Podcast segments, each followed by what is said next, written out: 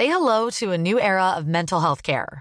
Cerebral is here to help you achieve your mental wellness goals with professional therapy and medication management support. 100% online. You'll experience the all new Cerebral Way, an innovative approach to mental wellness designed around you. You'll get a personalized treatment plan from a therapist, prescriber, or both in a safe and judgment free space. Your cerebral therapist or prescriber will outline a customized plan with clear milestones along the way so you can get to feeling your best. With Cerebral, you're not alone in your mental health journey. We're here to empower you to live a fulfilling life. So take that first step towards a brighter future and sign up today at cerebral.com slash podcast and use code ACAST to get 15% off your first month. Offer only valid on monthly plans. Other exclusions may apply. Offer ends July 31st, 2024. See site for details. Introducing Wondersuite from Bluehost.com. Website creation is hard, but now with Bluehost, you can answer a few simple questions about your business and get a unique WordPress website or store right away. From there, you can customize your design, colors, and content. And Bluehost automatically helps you get found in search engines like Google and Bing. From step-by-step guidance to suggested plugins, Bluehost makes WordPress wonderful for everyone. Go to bluehost.com/wondersuite. Denne episoden er sponsa av TrippelTex, som vi har hatt mange episoder tidligere, og da må vi snakke litt om regnskap. Eh, jeg har ikke alltid vært podkastprodusent, jeg har gjort mye forskjellig, og jeg har også en utdannelse innenfor regnskap. Eh, og jeg har vært, eh, hatt regnskap i familien hele livet mitt, så jeg har ganske oversikt over regnskapsprogrammet. Og Norge flyter over av leverandører av, av regnskapssoftware. Det er utrolig mange. Men det er en grunn til at TrippelTex har 70 000 kunder. Og det er mange grunner. Altså, jeg, har mange, jeg har mange punkter på en lista foran meg som er grunnen til å velge TrippelTex. Men det jeg ser uh, som er kanskje den mest unike og viktigste tingen de har, det er at de lager programvare som er ment for deg sitte hjemme alene og fikse alt sjøl og gjøre det sjøl og føre bilagene og gjøre hele regnskapet sjøl. Ferdig med moduler knytta til Altinn og alt det du løser. Og det er vel og bra. Men det de har også, som jeg syns er så flott, som er så velegna for en ambisiøs person, er nettopp det at regnskapsfører også bruker det samme programmet. Så gjennom TrippelTex så får du lett tilgang til veldig billig rådgivning. Eller at de kan ta helt over. Så det er liksom den flytende overgangen.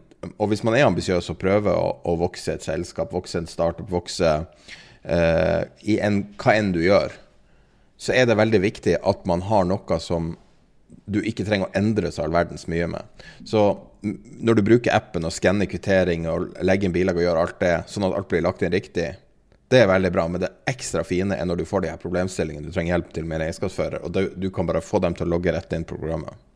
Så jeg syns det er en veldig viktig element. Vi har snakka om det flere ganger før, men det er, så, det er så unikt og så utrolig bra.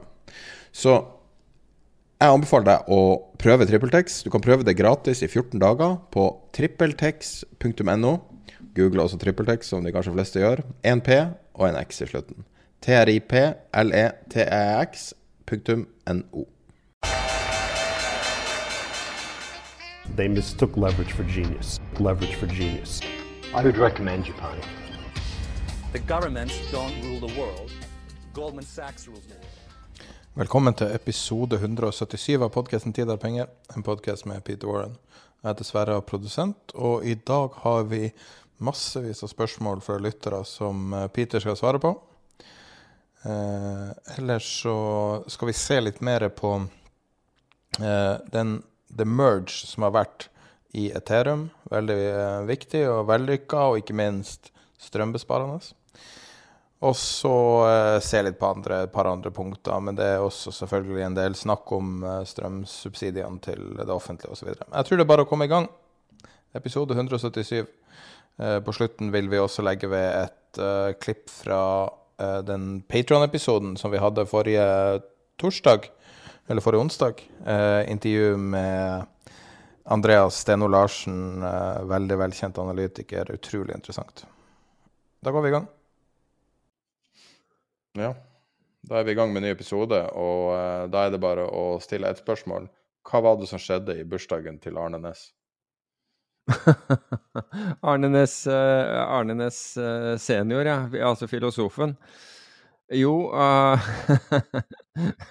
Jeg skjønner hvorfor, hvor, hvorfor, du spør, for jeg har fått noen spørsmål der i og med at jeg snakket om det for, forrige gang, og så fikk vi ikke uh, fullført det. Men de som, de som, kjenner, eller kjente ham, da, de vil jo, vil jo huske at han, han, var glad i å bokse. Og det fortsatte jo uh, etter det eldre han ble. Og, og jeg, jeg, husker både fra en, en en, en TV-sending jeg var med, hvor vi var i dette her grønne rommet rett, rett før. og, og, hvor han la en kar flat. Gikk, altså fordi han trodde Han forventet jo at alle kunne, nærmest kunne bokse. Så han ville gå inn i, i, i sånn boksestilling, og så ville det komme et slag. Men, men akkurat på, på, på 90-årsdagen, da var det en som fikk reddet en pianist ved å få dratt han unna idet slaget kom. Altså, Han gjorde jo ikke dette altså, ut, av, uh, ut, av, vond vilje i det hele tatt, men han bare gikk inn i boksestands, og, og liksom, da plutselig ville kom, komme en, en, en, rett venstre eller en rett høyre ut, ut, ut ifra det. Og han bare forventet at den andre, at den andre på en måte ville være med på det. da.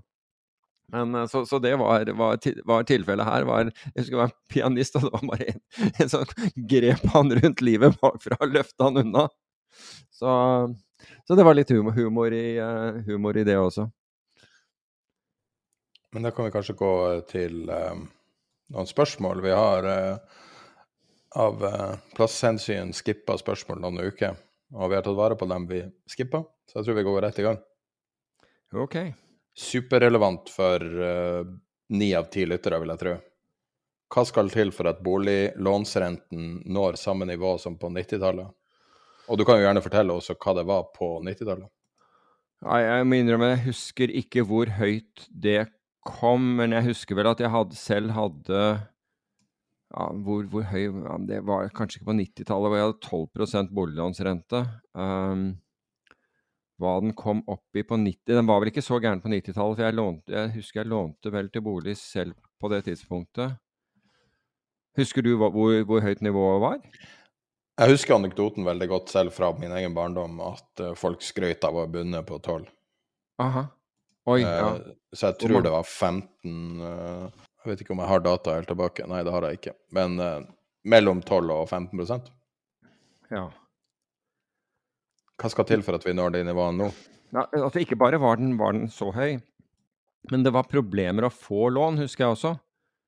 Jeg husker Da jeg fikk mitt første boliglån, så, så, så avviste banken meg, til tross for jeg hadde sikkerhet og hele den biten. avviste banken meg, Og så var det kun gjennom min arbeidsgiver, som på det tidspunktet var, var Fukt og Fukt, altså Dag, Dag Fukt, uh, at, at, han, fordi han hadde så god uh, Altså det som er Nordea i dag, at han hadde så god, uh, god forbindelse til, uh, til, banken, og da fikk jeg lån.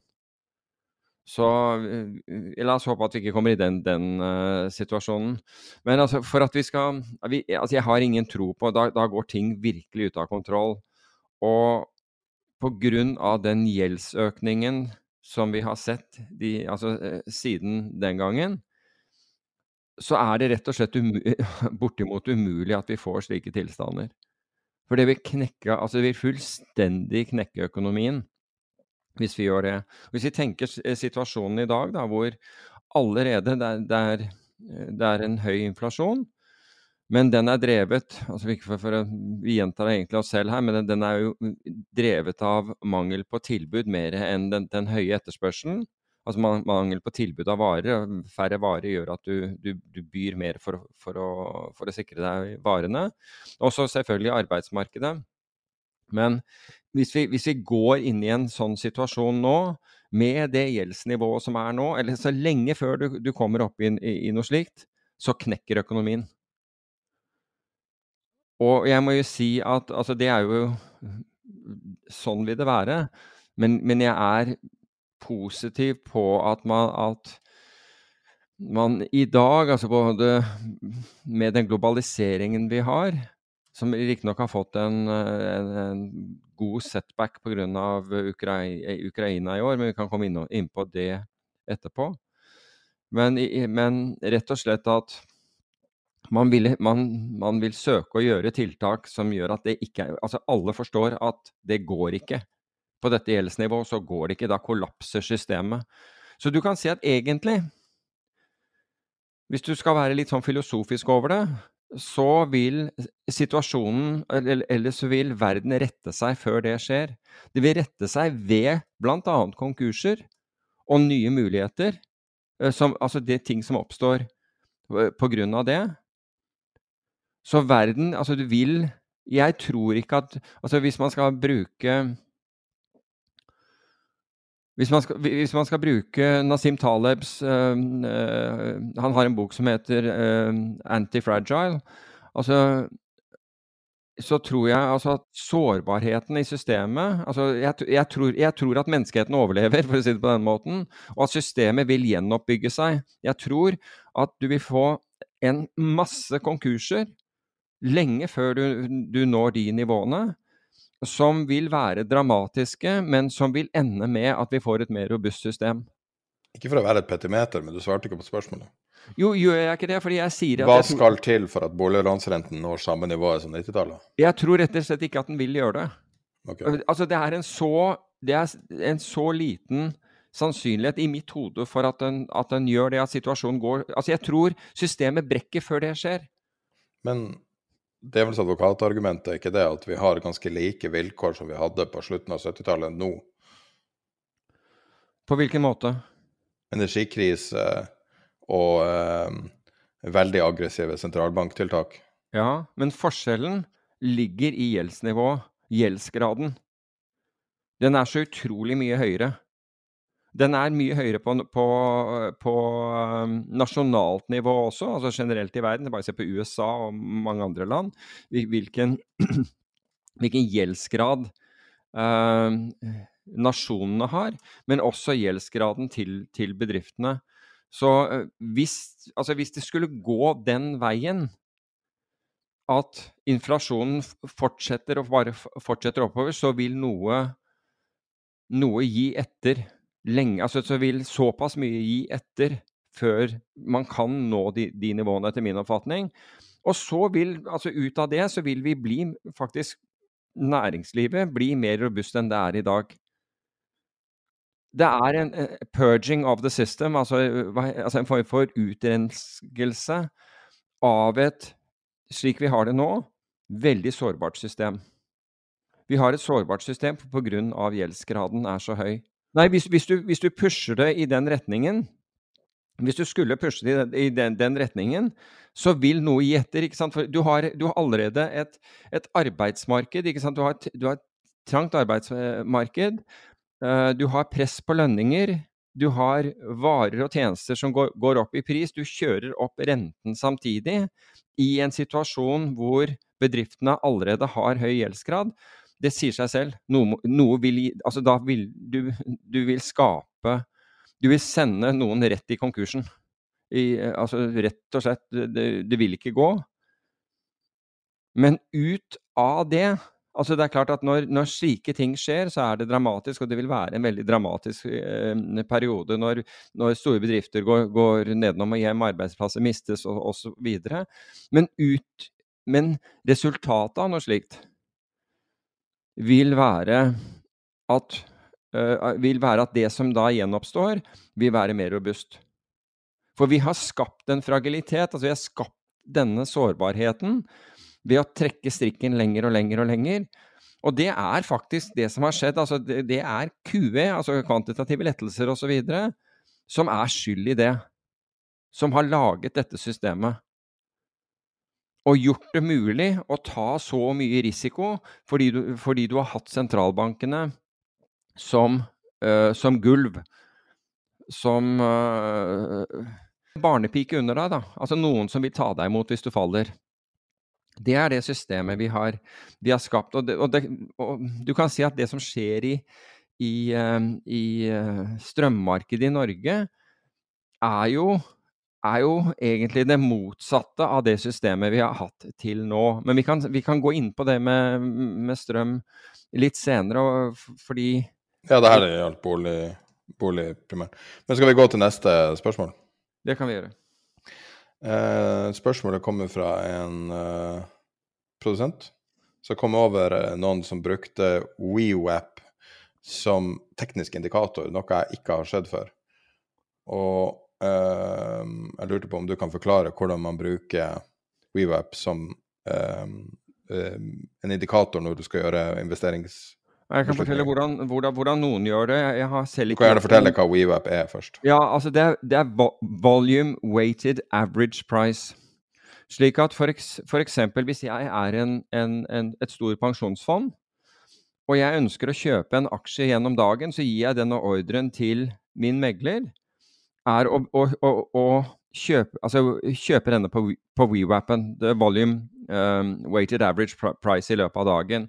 Og dermed, det en megler vil da gjøre, er å programmere De har programmer for, å, øh, for, for dette, og de vil da legge inn størrelsen. Og så vil systemet deres automatisk begynne å kjøpe aksjer i løpet av dagen i henhold til, i, i henhold til det som er volume weighted øh, average price. Og jeg husker da, da Oslo Børs gikk elektronisk, og, og, og tilknyttet seg, og det var mulig for utenlandske meglerhus å, å knytte seg til Oslo Børs, så drev alle og lo av Morgan Stanley, for de hadde disse her merkelige ordrene, som ble små ordre som, som hele tiden kom inn hvert jeg husker ikke mange sekunder. Så drev de og kjøpte noen aksjer, og alle lurte på hva i all verden er dette for noe?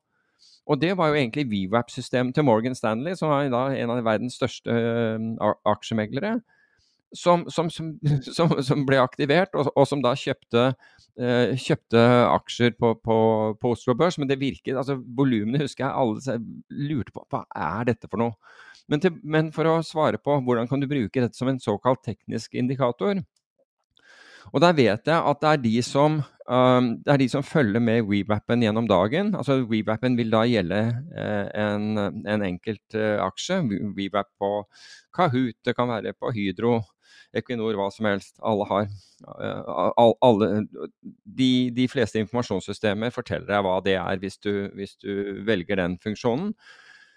Og det, den tekniske indikatoren her, det, det vil være annet, eller tekniske muligheten, det er hvis kursen f.eks. Er, er vesentlig under VWAP-en i løpet av dagen. Fordi du vet at en VWAP den, den kjøper da aksjer gjennom hele dagen for å komme til en sluttkurs på, på, på slutten av dagen. Det er ikke sånn at den, at den bare er aktiv mot, øh, ved, ved, ved closen på, på børsen f.eks. Så hvis det er en stort avvik, da kanskje kursen i øyeblikket ligger, eh, ligger et godt stykke under VWAP-en, så anser man at det er, det er, det er, en liten, det er lite risiko å forsøke å, å, å kjøpe aksjen på, på det nivået, fordi VWAP-maskinene, de som forsøker, de som har som oppgave å fylle en ordre gjennom dagen, vil være der og hjelpe deg, hjelpe deg opp igjen mot VWAP-en. Fordi de vil også komme inn og, og ta og forsøke å utnytte mul- den muligheten. Og tilsvarende vil være hvis det er veldig høyt på oppsiden, da kan du eventuelt shorte aksjen for, for, i håp om at den skal komme ned mot VWAP-kursen.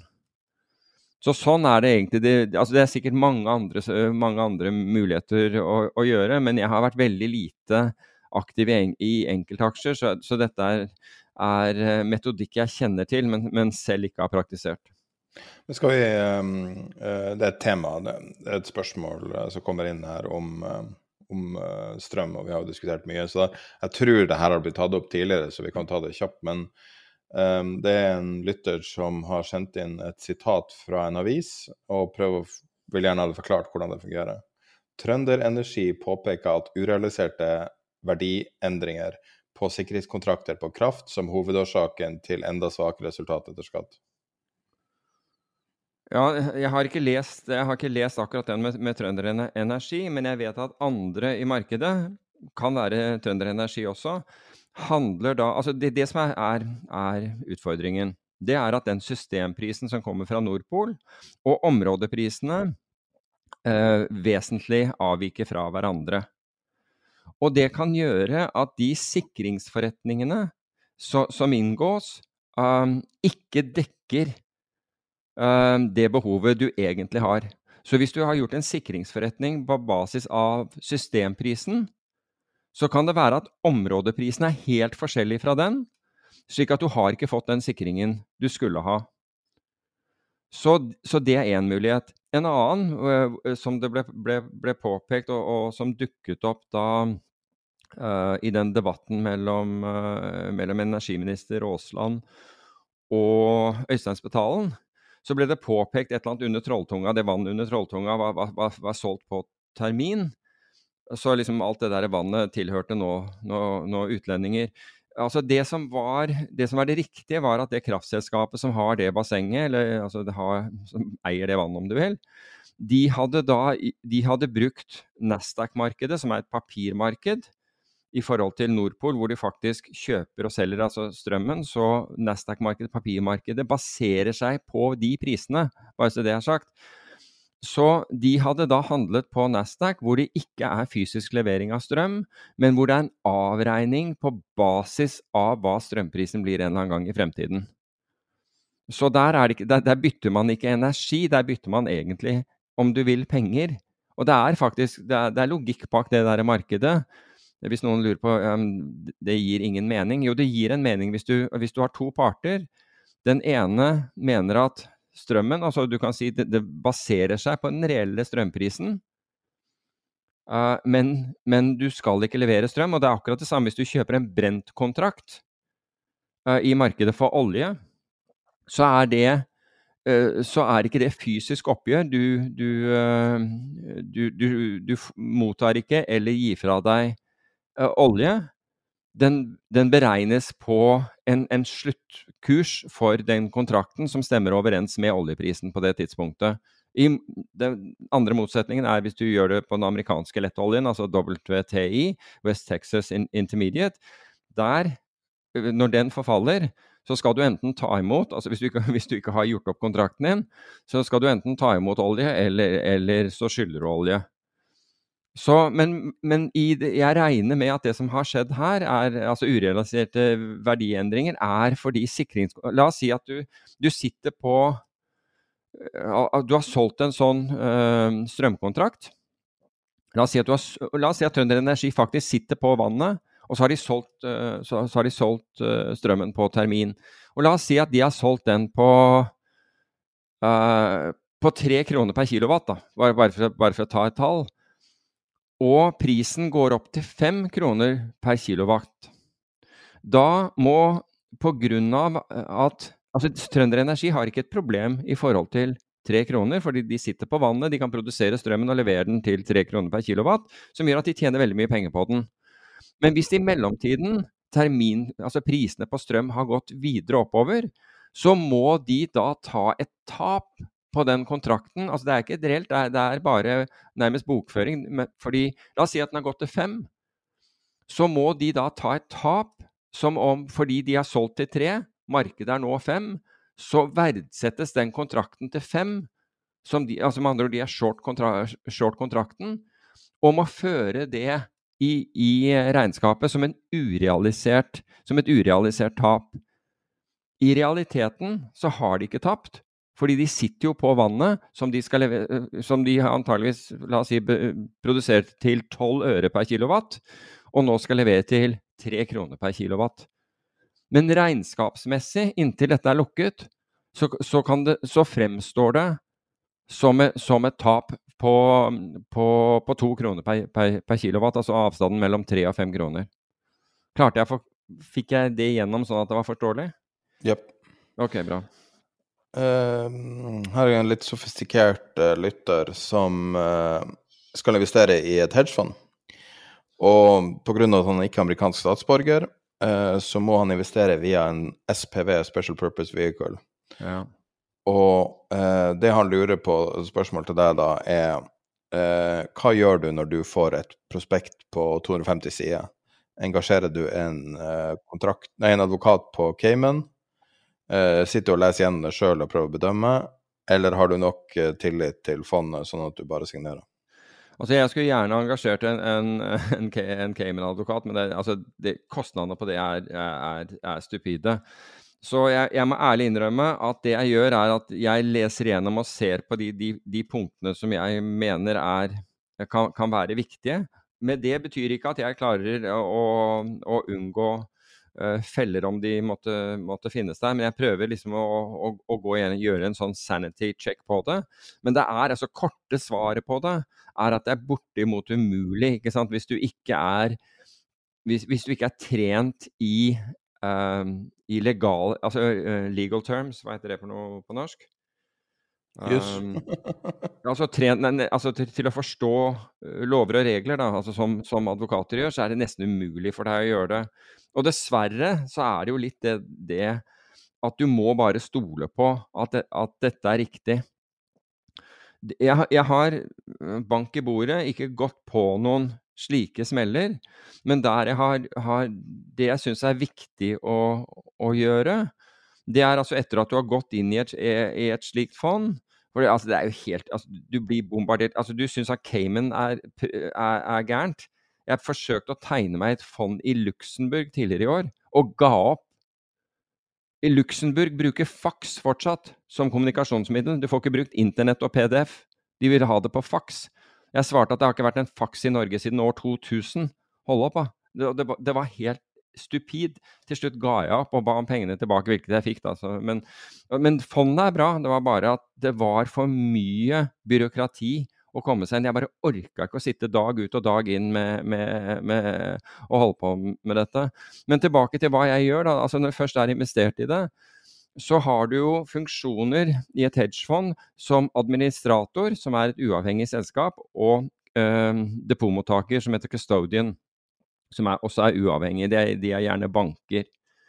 Og det jeg gjerne gjør, det er altså da, da, da snakker jeg med fondet først. Så tar jeg kontakt med administrator. Fordi administrator ser alle handler, følger med om, om fondet er innenfor lover og regler. Fondet har jo egne compliance-folk, men, eh, men, for å få en tredjeparts vurdering av det, så vil jeg snakke med administrator for å høre har dere hatt noen merknader. I tilfelle hva går de ut på, osv.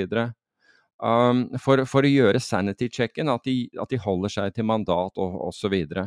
så det er på en måte den altså Annet enn det å lese månedsrapporten og eventuelt snakke med forvalterne, så de aller fleste fond er, er ikke det noe problem. Um, det er det jeg gjør med det.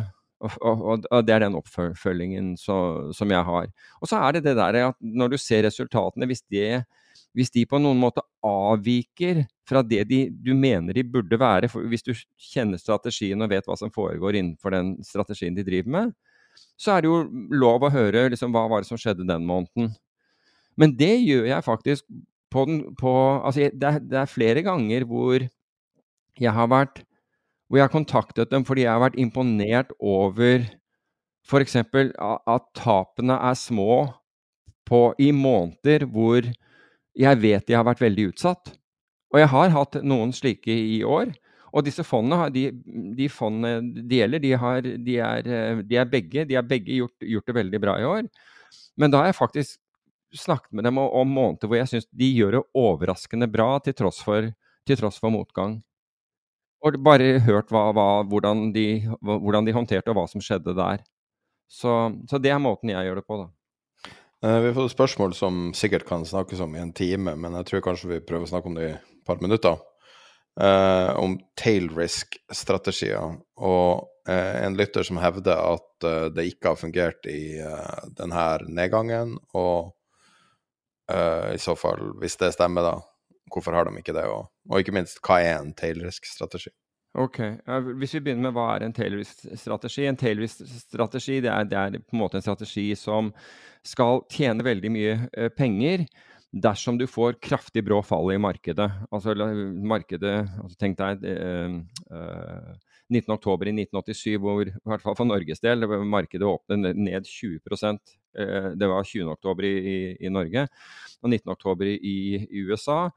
Og Taylor-strategier er typisk strategi som skal tjene penger på kraftige, plutselige fall i, i markedet, og beskytte porteføljen din mot det. Uh, og når man snakker om tail så er det, så er det ikke liksom at du skal ikke skal tape på hvis markedet faller 5 eller 10% men liksom ved kanskje 20% eller noe sånt, så begynner dette virkelig å kicke inn og gjør det mulig at du for deg å ikke tape penger derfra og nedover, hvis, hvis, hvis det er utfallet.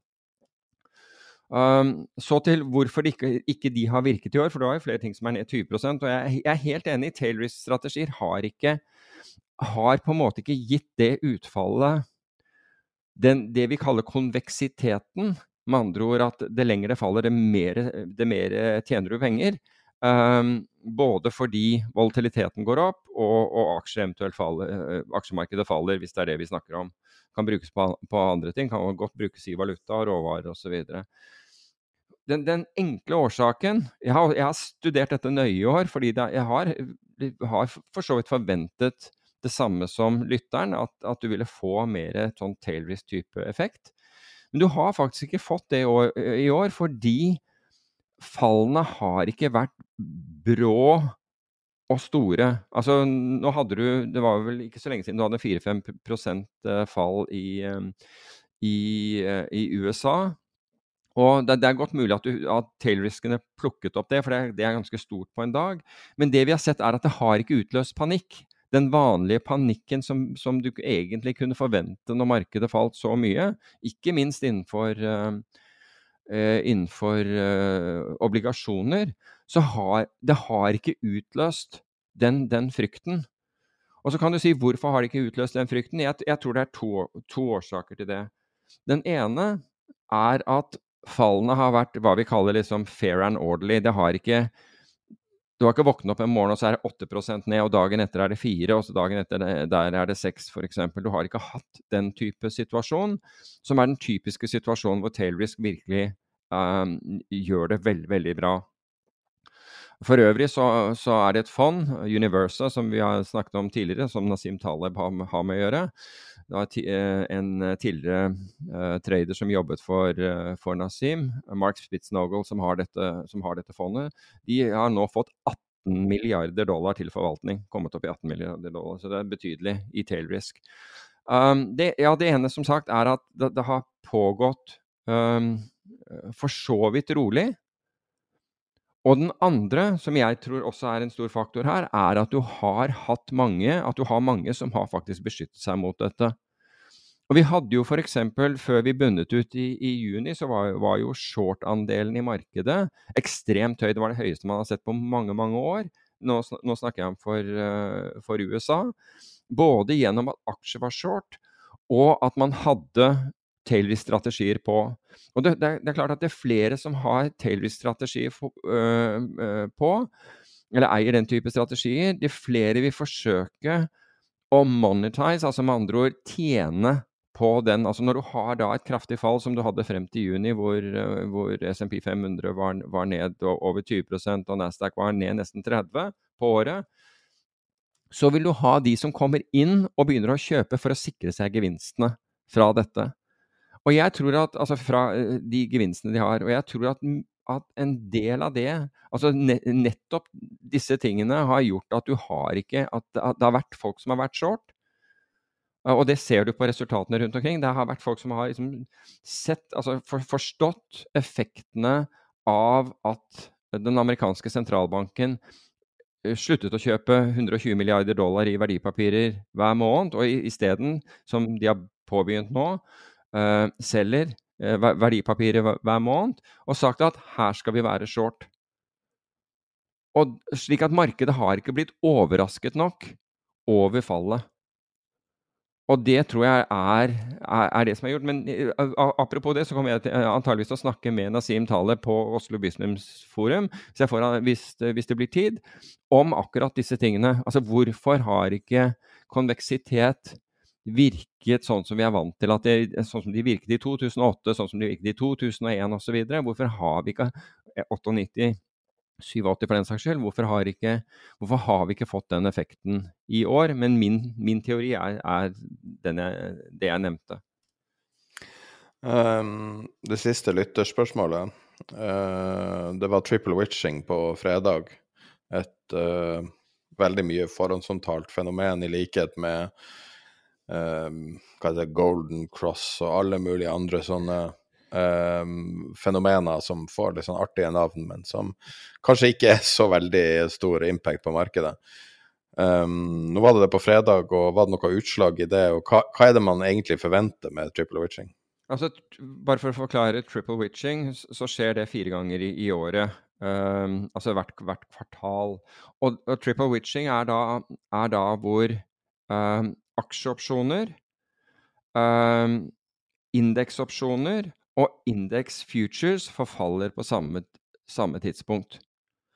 Um, ellers er det jo månedlig, og noen har daglig forfall osv. på dette, men det, det, dette er de store forfallene. Og da ligger de eh, i at det er mange kontrakter som skal da innløses. Veldig mange av disse kontraktene har cash-innløsning, eh, slik at du får en avregningskurs på SMP 500. Og på basis av den avregningskursen så, vil, så, så, vet du hvor mye du får hvis du, hadde, hvis du eide salgsopsjoner, hva, du, hva, hva, hva, de var verdt altså ved, ved, forfall. Det samme får du vite når det gjelder uh, terminer, uh, altså futures osv. Altså Man kan ikke hver, hver, triple witching vil, vil, være litt forskjellig, og den vil være forskjellig avhengig av hvem som har posisjonen. Er det f.eks. Uh, altså hvem, hvem, er som, hvem, er det som, er long, og hvem er det som er short? Siden markedene har falt, så, så har, du, har, du, da Vil det da være short future-kontrakter og f.eks. long put-opsjoner som, som, vil påvirke markedet? Og da trenger du å vite hvem er det som er long put-opsjonen, og hvem er det som er short. Det får du vite gjennom den amerikanske COTS-rapporten som hver uke kommer ut på torsdag og forteller om, om spekulanters po posisjonering kontra de kommersielles po posisjonering. Hvis det er slik at spekulanter eier puttene, altså, altså, de, altså markedet har solgt, markedsaktørene, altså alle Alt fra, fra småsparere til, til, eh, store institusjoner stort sett har solgt disse puttene, og og marketmakerne er long, så vil du ha en annen dynamikk enn det motsatte. Fordi La, la oss si at det er det motsatte, for det, det, det er oftere det. Hvor, øh, hvor du er en kunde, og du har kjøpt et voldsomt antall uh, salgsopsjoner av meg. Jeg, jeg er marketmaker, jeg, og, og, hver gang du, du, kommer så, og jeg stiller deg en pris, så kjøper du 1000 kontrakter i, i, i, slengen. Når du gjør det, så må jeg ut og sikre meg. Jeg er nødt til da å, å La oss si at dette er på en, på en indeks. Så må jeg selge et antall future-kontrakter for å dekke den risikoen. Det gjør jeg automatisk. I, det øyeblikket du, du uh, kjøper av meg, så kjøper jeg, eller så, så shorter jeg future-kontrakter. Så når vi da kommer til triple witching, så er det spørsmål er, er eller, eller jeg shorter aksjer, i det øyeblikket du, øh, kontrakten stenger, hva gjør jeg med den gjensittende posisjonen? La oss si at jeg har, jeg har shortet aksjer for å, for å, dekke denne risikoen. Hva gjør jeg med den? Jo, jeg har jo da behov for Jeg er short aksjer. Jeg har jo da behov for Nå går risikoen min bort. Fordi idet put-opsjonene forfaller, så vet vi akkurat hva de er verdt. Og, og, jeg har risiko, jeg har ikke lenger noe risiko til nedsiden, men nå har jeg risiko til oppsiden. Fordi hvis, nå, hvis jeg nå sitter på den short-posisjonen og markedet drar den andre veien, så må jeg skramle etter, etter å, å, å, å få, kjøpt disse, eh, få, kjøpt aksjene tilbake. Så det, det, du kan se ved slike ting, er nett, er, eller det du kan gjøre, er å studere hvem er det som, er, det som er uh, short eller long hva, og det vil ha en effekt på, på, på, det som skjer etterpå. Da jeg satt som marketmaker i, i uh, valutaopsjoner, så ville jeg høre brokerne hver dag, fordi du, du hører jo øh, Brokerne roper etter, etter, priser fra forskjellige marketmakere på forskjellige valutaopsjoner. Og da, hvis det var store ting som skjedde, du hørte stor handel gå gjennom, så ville jeg notere meg hvor mange dollar den handelen notional den, den gjaldt. Det kunne være noen milliarder dollar hvilken dato og hvilken kurs. Og hver dag når jeg kom inn, så hadde jeg rett og slett en kalender hvor jeg ville se på fordi eh, jeg ville se, For jeg ville da høre på, på, på, på brokeren om de, om marketmakerne mistet eller, eller kjøpte disse kontraktene. Så ville, jeg, så ville, jeg, eh, gå inn i kalenderen og si at ok, klokka fire i dag, for det var klokken fire vår tid hvor eh, disse opsjonene forfaller, så forfaller et voldsomt antall, og da vil jeg vite at hei sann, Rundt den tiden her, så vil market, hvis dette var in the money-opsjoner, så vil noen ha behov for å unwinde denne posisjonen. Så du kan gjennom det ha en idé om hvert fall hva som kommer til å skje i forhold til disse instrumentene på, på, på, på triple witching. Hvis det ikke er triple witching, så, så, så er, er, det slik at La oss si at du hadde At du var short um, uh, eh, SMP futures som uh, Eller ja, ja short uh, eh, SMP futures som, som Eller opsjoner i, i, august. Så er de på basis av, av september-futuren. Så da begynner, da begynner, jo ting å leve, leve sitt e eget liv etterpå. Så, det, så da, da, vil du bli innløst. Altså hvis du, er, hvis du eier en put-opsjon, så får du en short-posisjon i Hvis den er in the money, så får du automatisk en short-posisjon i future når den, når den put-opsjonen forfaller. Og da kan du enten velge å, å, kjøpe, å, kjøpe, å, kjøpe, den tilbake igjen, eller fortsette med den. Men på triple witching så vet vi akkurat hva, hva, hva, hva som vil skje. Og da, eller vi vet, vi vet at det er store forfall, og det kan Personlig, når det går mot slutten av dagen, hvis jeg ikke har en klar formening om posisjoneringen, hvis jeg, hvis jeg syns KOTS-rapporten ikke har gitt meg nok informasjon, eller jeg ser at dette beveger seg annerledes enn det, enn det KOTS-rapporten indikerte, så vil jeg bare holde meg unna. Fordi, fordi det er store, store volumer som skal gjøres, og det er fryktelig lett å bli overkjørt. Så da er det da bare liksom, OK, hendene av, uh, av, rattet her, og bare kjør inn til siden, så, så, så, gjør de opp. Det er også slik, og det, det så vi veldig i, um, i bl.a. DAX og ja, spesielt i DAXen, altså den tyske indeksen, hvordan den, hvordan den, kunne bli manipulert de siste 15-20 minuttene før, før akkurat forfall. Vanvittig avvik fra hva Altså, du, plutselig så settlet ting, pga. Vivap bl.a., settlet ting på helt andre kurser enn en, en, en det, det, vi forventet. Og jeg husker ved en, ved en, slik anledning så hadde vi en ganske stor posisjon. Og kollegaene mine og jeg, vi satt og, vi, satt og handlet den. Og vi hadde akkurat liksom kommet For vi ønsket ikke å gå helt til forfallet. Eh, så dette er bare minutter før, så er vi ute av den siste, siste kontrakten. Og så sitter vi der, så kommer da denne, denne den fiksingkursen. Så kommer den opp på systemet, og han og vi, vi ser på hverandre. Og vi skjønner ikke tallet vi ser på. For det tallet der har aldri vært handlet i løpet av dagen. Indeksen har aldri vært på det nivået, så vi var helt sikre på at det var feil. Og vi tar kontakt med broker, for vi hadde åpne linjer til, til, til broker. Dette er mens vi er, vi er, uh, mens vi er hedgefond. Og spør hva er det? Og de er også overrasket. Og det viste seg at det var en ren kursmanipulasjon.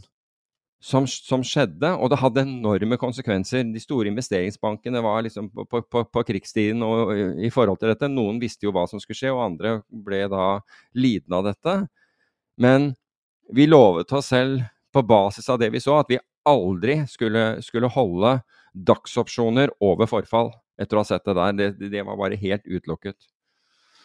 Lang forklaring, men uh, jeg håper at den illustrerte litt av, uh, av hva som skjer. Um, nå lurer jeg på om du kan svare på de siste to tingene på litt, uh, litt mer konsist, kanskje. I'll. Um, ettersom du er din egen spørsmålsstiller. Uh, hva er status på norske hedgefond akkurat nå? Jo, altså norske hedgefond er jo, er jo interessante uh, for tiden. Og årsaken til at de er interessante er jo at de som gruppe har gjort det, har gjort det bra. Også selv om norske hedgefond i snitt, altså hvis du tar norske hedgefondindeksen som uh, Hedge Nordic publiserer, så er vel norske hedgefond ned 0,3 eller 0,4 eller noe sånt på, på året. Og som er det beste av alle landene. Men enda viktigere syns jeg at norske hedgefond ser ut til å, å være hedgefond på den måten at 57% av hedgefondene er opp på året. Det syns jeg er bra i seg selv. Og spriket er pluss 40 til minus 42 så, så du kan si at det er, er voldsomt sprik her, det, det, må jeg si. Um, mens hvis du f.eks. ser på, uh, på Danmark, så er det kun 12% av fondene som er oppe på året. Og du kan ikke, når du ser nedover listen, så kan du ikke, kan du ikke på forhånd se hvilke strategier Det er ikke som en, en, en enkel strategi utmerker seg, f.eks. Blant, de beste. Hvis du ser på Sverige, da. Uh, der er det Lynx, som er et trendfølgende fond, som er det beste fondet på året. Sånn trend, ren trendfølger, rent matematisk trendfølgende uh, fond. Danmark, der er et multistrategifond, som er, som er, det beste, og et rentefond, som er det dårligste. Det var for øvrig et long short-fond i Sverige som var, var det dårligste. Um, ser du på Ser du på Hva er det neste? Finland? Da er, av alle ting, altså ikke dårlig, så er det et fond i fond. Fond av hedgefond, som er det beste fondet på, på året. Så de har liksom truffet med den kurven av hedgefond som de har i sin portefølje. Og så er det et, et, egentlig et longfond som, som uh, har large og midcap uh, aksjer i, i, sin portefølje, som er det dårligste.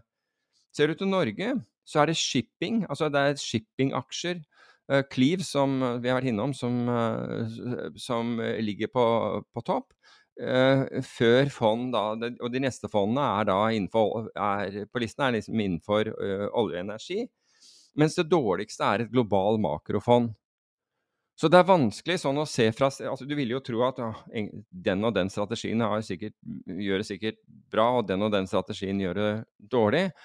Men her er det jo egentlig en god blanding, noe som gjør det mer krevende å plukke fond, uh, helt opplagt, som, som, er. Men jeg syns det var i hvert fall en interessant, en interessant sammenligning, og gledelig for, uh, for det norske finansmarkedet at 57% av norske hedgefond faktisk har positiv, har, viser positivt resultat i år. Siste spørsmålet kommer fra en PW. Hva skjedde på Rudskogen? Rudskogen i går, var, der var det noe som het Porsche-festival. Um, og det var altså 7000 mennesker hadde dratt til Rudskogen for å, for å, å se på Eller kjøpt billetter eh, til, til Rudskogen i, i, går. Og muligens altså, Og det er nok riktig altså Dennis Hauger var der med sin Formel 2-bil, som da hadde blitt kjørt på trailer eh, fra, fra, Italia, altså 25 timer hver vei. Hadde problemer på, på, på, første demonstrasjon, for da stoppet den to ganger. Men så var han ute eh, litt, eh, litt, senere. Og han kjørte på regndekk. Og vet du hvorfor han kjørte på regndekk? For det regnet ikke. Ja, Det har noe med oppvarming av dekkene sikkert å gjøre. Nei, det har noe med regelverket å gjøre. Fordi de har ikke lov til å gjøre mer enn x eh, amount of testing inn, i, i, Formel 2. Det er vel det samme egentlig i Formel 1 for å holde kostnadene nede. Og du kan ikke teste Jeg tror ikke du har lov å kjøre bilen i Formel 1 i det hele tatt. Ok, men altså på regn... de kjører de gamle bilene. Ok, men på regndekk kan du kjøre, fordi det nytter ikke å teste noe som helst på regndekk, fordi det, det wobler så fælt at, at liksom du kan ikke i forhold til det å kjøre på i, i forhold til det å kjøre på sliks. Men jeg, jeg hadde glede av å, å spise frokost med, med, med, Dennis, og i løpet av han og, og mekanikeren hans, og pluss han som hadde tatt uh, hadde kjørt bilen da 25 timer, og skulle da kjøre 25 timer tilbake igjen. Og så skal den for øvrig på lastes om bord i eh, Plukkes helt ned. Lastes om bord, eh, eh, altså bygges opp igjen. Lastes på en båt og fraktes til Abu Dhabi, som er, er det neste løpet. Han fortalte også at de plukket bilen helt ned. Altså når de kjører på sprintløp på, på en lørdag, og det sprintløpet er ferdig, så plukkes bilen helt ned og settes sammen igjen før, før du kjører på mm, hovedløpet på søndag. Men, øh, men uh, Dennis fortalte at uh, Jeg trodde jo at de hadde drikkesystem i bilen i Formel 2. men det har de ikke. Altså, så de, føreren får ikke drukket noe underveis. Uh, og, og, jeg spurte liksom hvorfor ikke, og det sa han det, det var rett og slett pga. vekten. De, at de var så avhengig av å holde, holde, vekten nede på bilen. Men vet du hvor mye han, mye han, da mister, altså hvor mange kilo han går ned på et løp? En fire-fem, tror jeg. På ett løp, altså, eller altså, det er muligens på hele helgen, men på, på, på, på et hovedløp så går han ned tre kilo i vekt. Så han sa han kan ikke spise Han kan egentlig ikke spise nok, fordi han, han forbrenner såpass, uh, såpass mye. Så Så det er ganske interessant. Han kjørte for øvrig i, eh, i, i blant disse i Porsche-cupen, for det var jo Aksel Lund Svindal kjørte for, for øvrig, og han, han, har blitt vesentlig bedre enn en i fjor. Han, nå begynner han å, å, kjøre seg opp. Han er jo sikkert vant til porter og den type ting, og i hvert fall, i hvert fall riktig spor. Så Nei, det var en det var, De mener at uh, denne Netflix-serien som jeg selv ikke har sett, er, er, det 'Drive to Survive' som er den om Formel 1? Du har kanskje sett den? Ja. Er, ja, ok, Men de mener at den, altså pluss det at Dennis da kjører i, uh, i Formel 2, uh, er, er årsaken til at interessen har, har, blusset opp så mye. Og så må jeg også si, fordi jeg vet at, at vi har lyttere som var der, at det var kjempehyggelig de som kom bort og, og, og, og sa at de, at de, hørte på oss og, og syntes podkasten var bra, ikke minst. Det, det, må jeg få med meg. Så det var Rudskogen. Det var store um, nyheter i uh, kryptoverden uh, på slutten av forrige uke. Mm. Jeg tror det er syv år man har venta på det her, men jeg er ikke helt sikker på om det tallet er riktig. Så Ethereum gjennomførte uh, det som blir kalt the merge. I praksis så bet Altså, jeg, jeg, mener at dette må være en av de største tingene som har skjedd med krypto siden oppstart.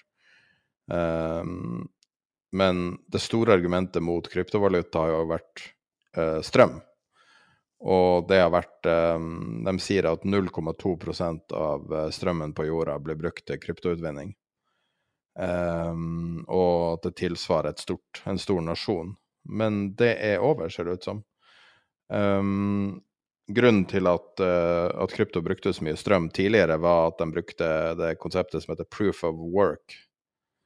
Uh, og det betyr at du må gjøre ei stor utregning som krever um, uh, Som krever et oppsett som i praksis betyr at du må ha én eller mange skjermkort, fordi at de er optimalisert for å gjøre sånn type utregninger. Uh, som er grunnen til at uh, verden har vært tom for skjermkort i mange år nå, fordi at man har sittet i Kina og utvunnet uh, bitcoin og i større grad um, har vært minere på Ethereum. Men pga. flyttinga fra til proof of stake, så er nå allerede over helga ser vi resultater. Så en, uh, en av våre eh, kryptoeksperter Hva slags resultater da? Eh, 60% av alle bitcoin-minerne har allerede skrudd av riggene. Oh, wow. Eh, to og en halv dag etter mergen. Men betyr det at man ikke kommer til å jage etter liksom de siste av de 21 millioner bitcoinene som, som, som, som kan produseres? Altså, bitcoin er jo på en måte Det her er jo det er jo en nesten religiøs bevegelse, fordi at det er så mange karakterer. Vi har gått gjennom det tidligere i en episode som ligger ute på Patron. Der vi forklarer altså en av Vi har jo to interne kryptoeksperter som har hjulpet oss masse. Og, og er den første Jeg kan linke den i nyhetsbrevet, den episoden. Men i praksis er det det at du har mange subkulturer i kryptoverden. Sånn at uansett hva du omtaler, om du kaller det bitcoin, krypto, um, blokkjede, web3, kall det hva du vil. Uansett hva du kaller det, så er det noen som blir forbanna fordi at de mener at du omtaler det feil. Men som et totalt marked der alle er interessert i det samme, internettpenger, um, så har uh, det største argumentet mot det er nå uh, borte. Uh, men det her får jo også masse knock-on-effekter, fordi at du har jo en helt, helt økosystem. Altså I Norge, f.eks., så så har det jo folk som har investert masse i eh, kryptomining eh, med forskjellig hell, da. Og mm. alle de maskinene nå står der og, og ruster ned, for det, så, og, og, og driver og Uh, å drive og, og, utvinne bitcoin er nå så kostbart fordi at man er kommet så nært slutten, sånn at det lønner seg i praksis ikke å gjøre det.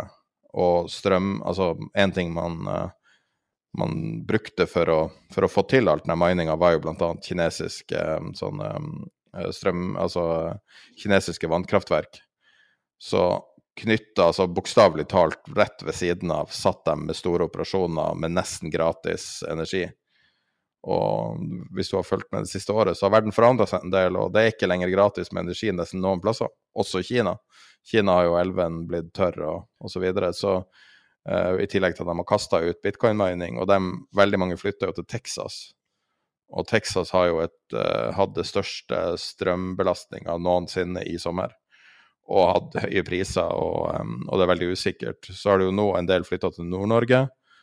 Uh, og, og prøver å jakte billige strømpriser. Men siden mergen er ferdig nå, så ser det ut som at det her kan være et lukka kapittel med bitcoin-mining som stor operasjon.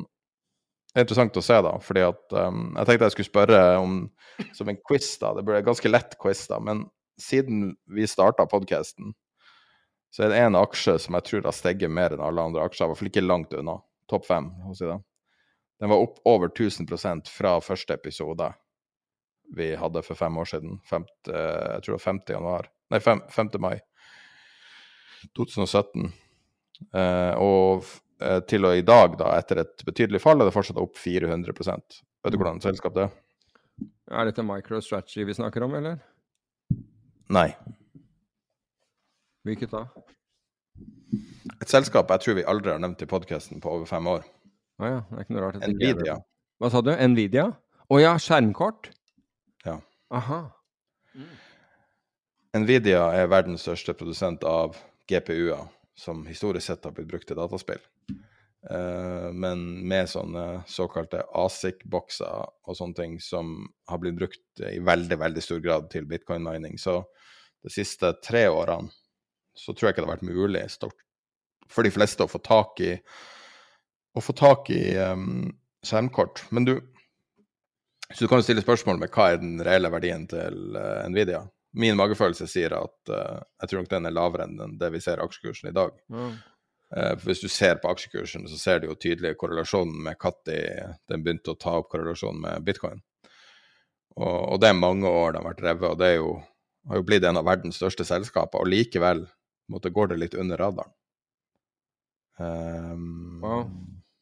Um, jeg, og jeg bare sier en ting. Jeg, har jo lært av deg en ting du bruker å si ofte. Hva er neste nivået av effekten? ja. Fordi at man skrur av mining, så er det ofte liksom Ja, OK, da har man Det, det store er jo at argumentet mot bitcoin, argumentet mot krypto, blir i veldig stor grad uh, forsvunnet. Altså det bare er borte. Mm. Uh, men det interessante er jo å se på hele det økosystemet som er bygd rundt utvinning Absolutt. Altså, hvor er, hvor er effektene? Det er, det er jo helt riktig. Ja, det er spennende. Um, men det er, altså, dette har jo vært kjent at man skulle, gjøre, at man skulle foreta uh, denne, husker jeg ikke akkurat hva de kalte den. På, på, Ethereum merge. eh, Ethereum Merge. Men allikevel så er det ikke lenge siden jeg, jeg så noen som da faktisk vurderte å starte mining. Så det det henger jo litt sånn der Trodde man ikke at den, denne mergen skulle være mulig? Altså Hadde man ikke tillit til den, eller hva er det Eller altså hvorfor ville man i, tenke på å bygge opp mining um, no, no, un- under den trusselen? Nei, det er ikke lett å si. altså. Det er veldig uspesifikk eh, data du har der. Ja, ja, ja, ja jeg Eh, vet Du det. kan ta, altså det, Nå vet jeg ikke hvor mye som er kjent. Jeg tør ikke å si veldig spesifikke ting om Norge, for jeg vet ikke akkurat hva som er offentlig kjent og ikke. Jeg liker ikke å vite ting som jeg ikke vet er offentlig, men, men i praksis så er det jo en rekke norske aktører som har holdt på med det her i lang tid. Ja, nettopp. Og, um, og jakta rundt. altså Det er jo ikke mange måneder siden vi så folk jakte rundt på lave strømpriser i Nord-Norge, f.eks. Mm. Um, Hvilket Men, jeg kan eh, skjønne, ja. Uh, men uh, jeg, jeg, tror bare at uh, ingen klarer egentlig å se en så stor endring, fordi at krypto og strømforbruk har hengt sammen.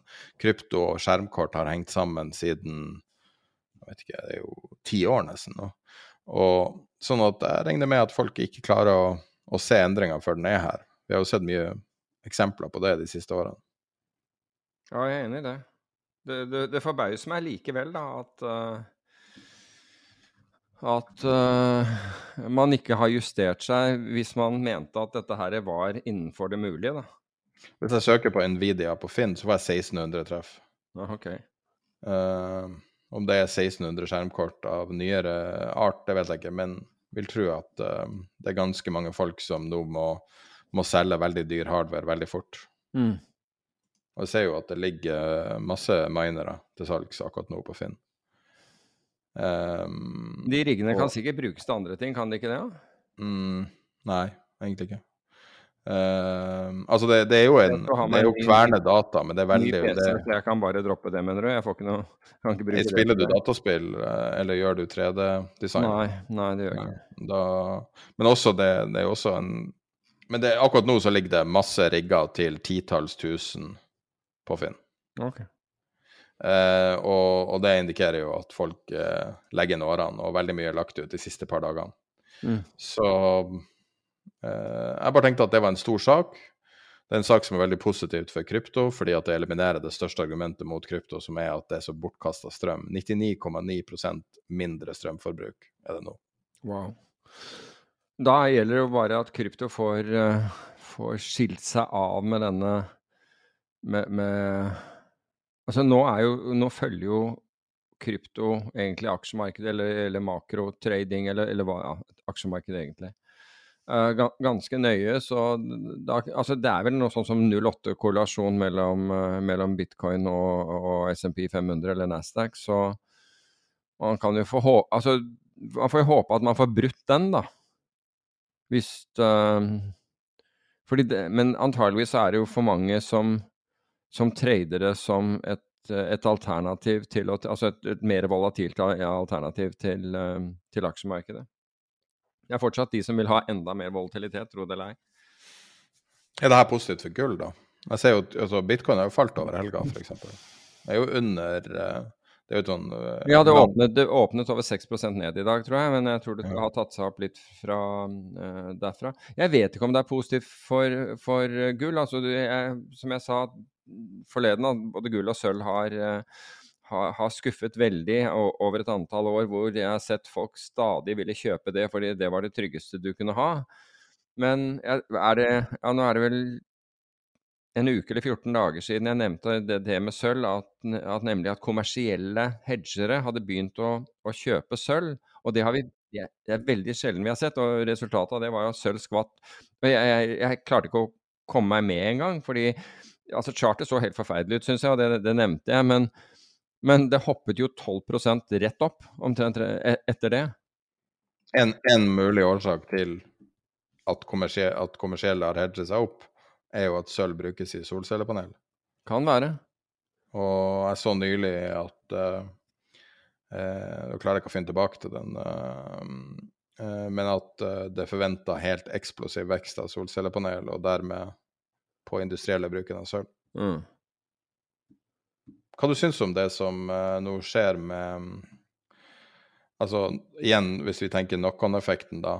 Um, det ble snakka om um, i helga nå at um, uh, av den hvordan strømsubsidieordninga til bedrifter er satt opp, så vil det være en megaboost for solcellepanelbransjen.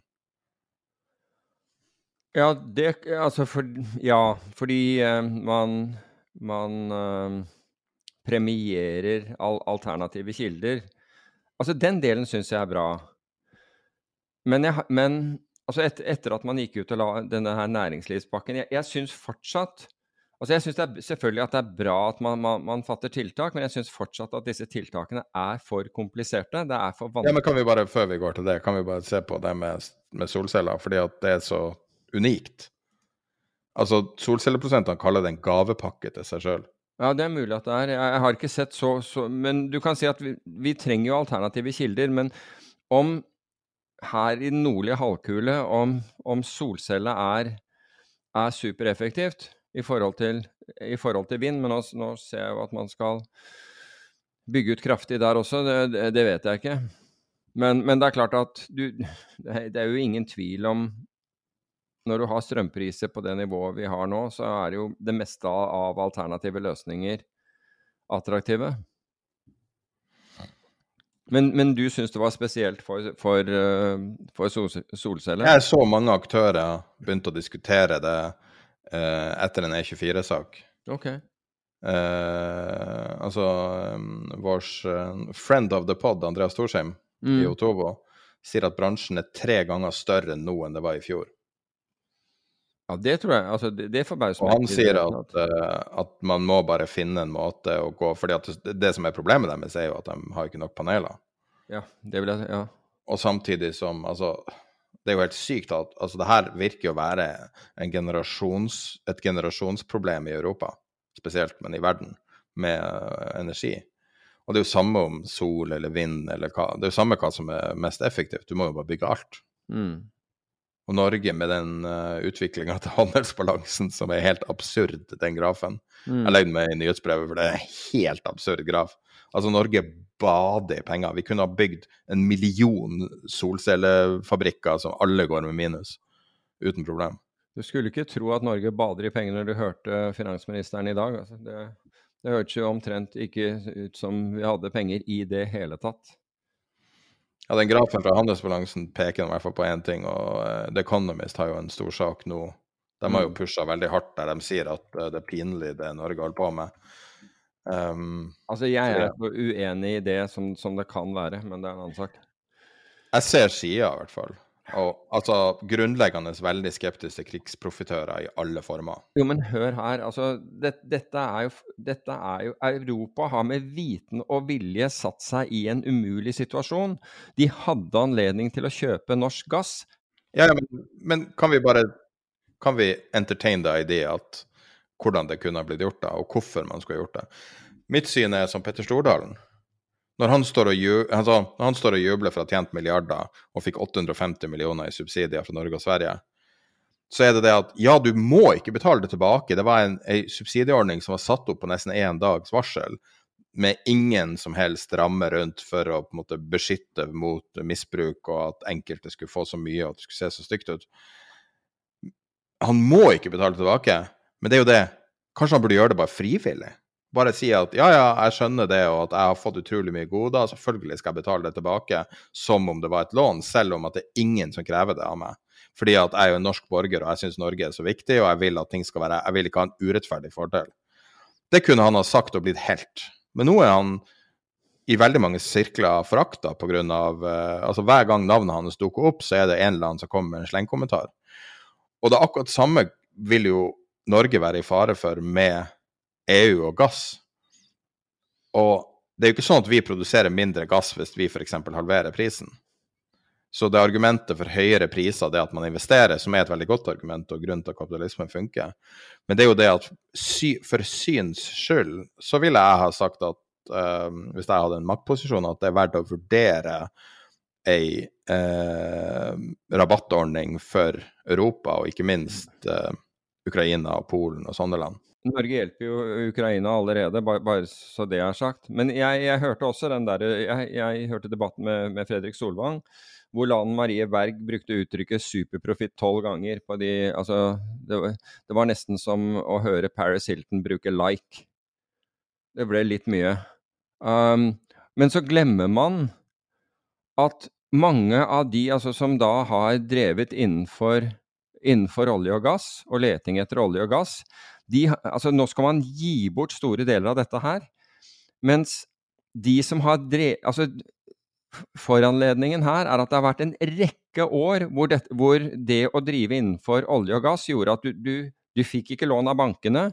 Investorene trakk seg ut fordi de ble, de ble så ESG-fokuserte, så du hadde ikke investorer, du fikk ikke lån, du hadde allerede stor gjeld, og mange gikk over ende, men noen klarte å overleve i denne perioden.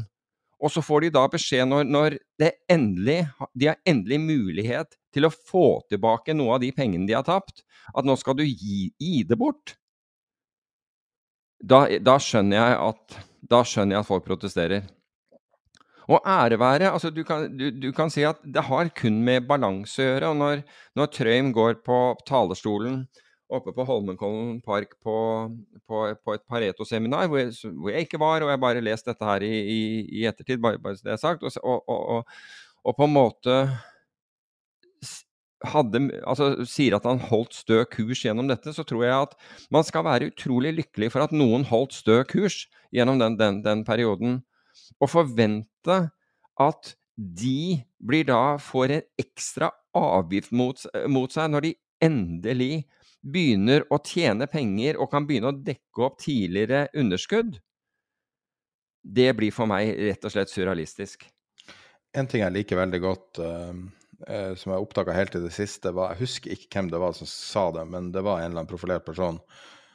uh, som sa at grunnlaget for en god debatt det var, Jeg tror det handla om noe i debatten på NRK. Men uansett, grunnlaget for en god debatt er at uh, før man starter debatten, så er man enig om definisjoner. Man er enig om hva som er temaet. Man er enig om hvordan ei, ei opp, altså hvordan liksom, eh, kanskje ei løsning vil se ut fra andre sida osv.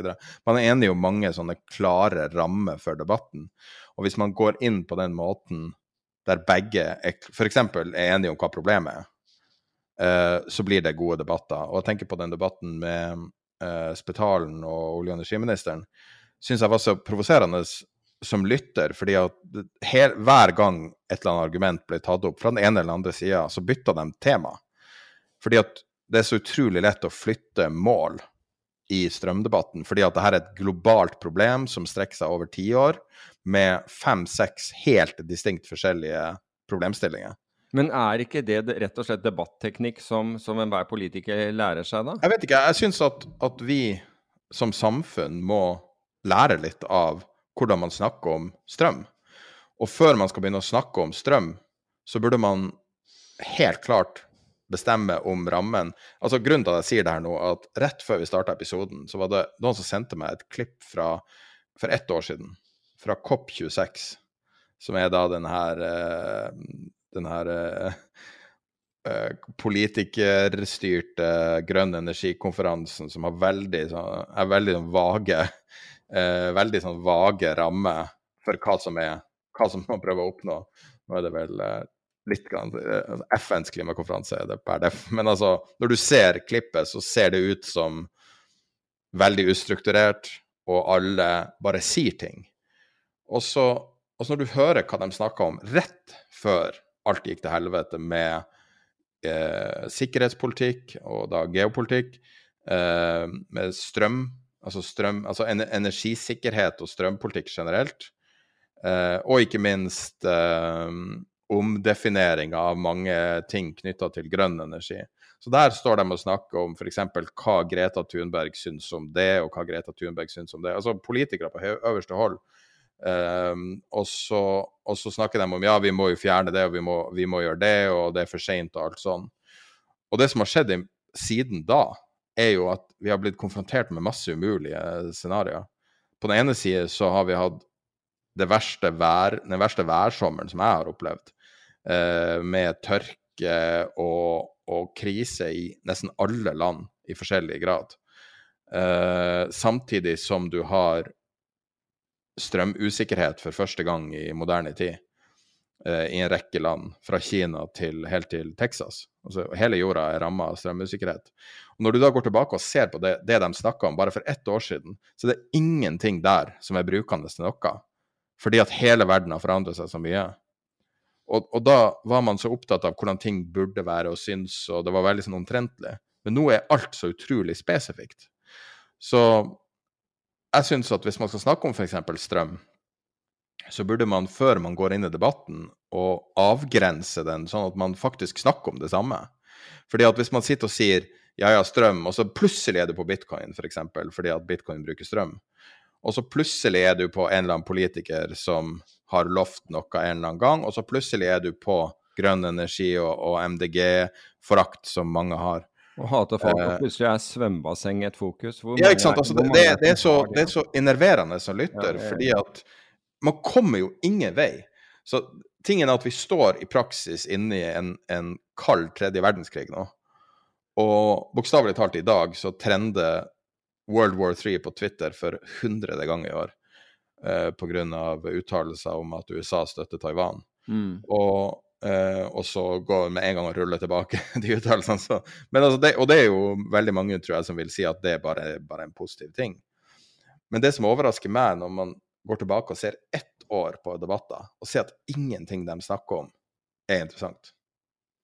Det er ingenting som man kan bruke til noe i, i dag. Og nå, nå, er vi jo på vei til COP27, som er den neste sånn FNs klimakonferanse. Og den vil jo ha et helt annet preg. Sånn som Norge nå vurderer å gjenstarte gasskraftverk mm. eh, for, å få, for, å, for å rett og slett sikre energisikkerheten. Og, det, og man må da tørre å ha to tanker i hodet samtidig. Det er energisikkerheten i dag, og så er det den vanvittige klimakatastrofen som vi står midt inne i nå, som ikke er en klimakatastrofe, men som er en værkatastrofe nå. Så jeg bare syns Jeg har ingen svar på det, jeg har ingenting interessant å si om det. Jeg bare syns det, det var interessant å gå tilbake i tid og se på hva som ble sagt for ett år siden, og hvor irrelevant det er.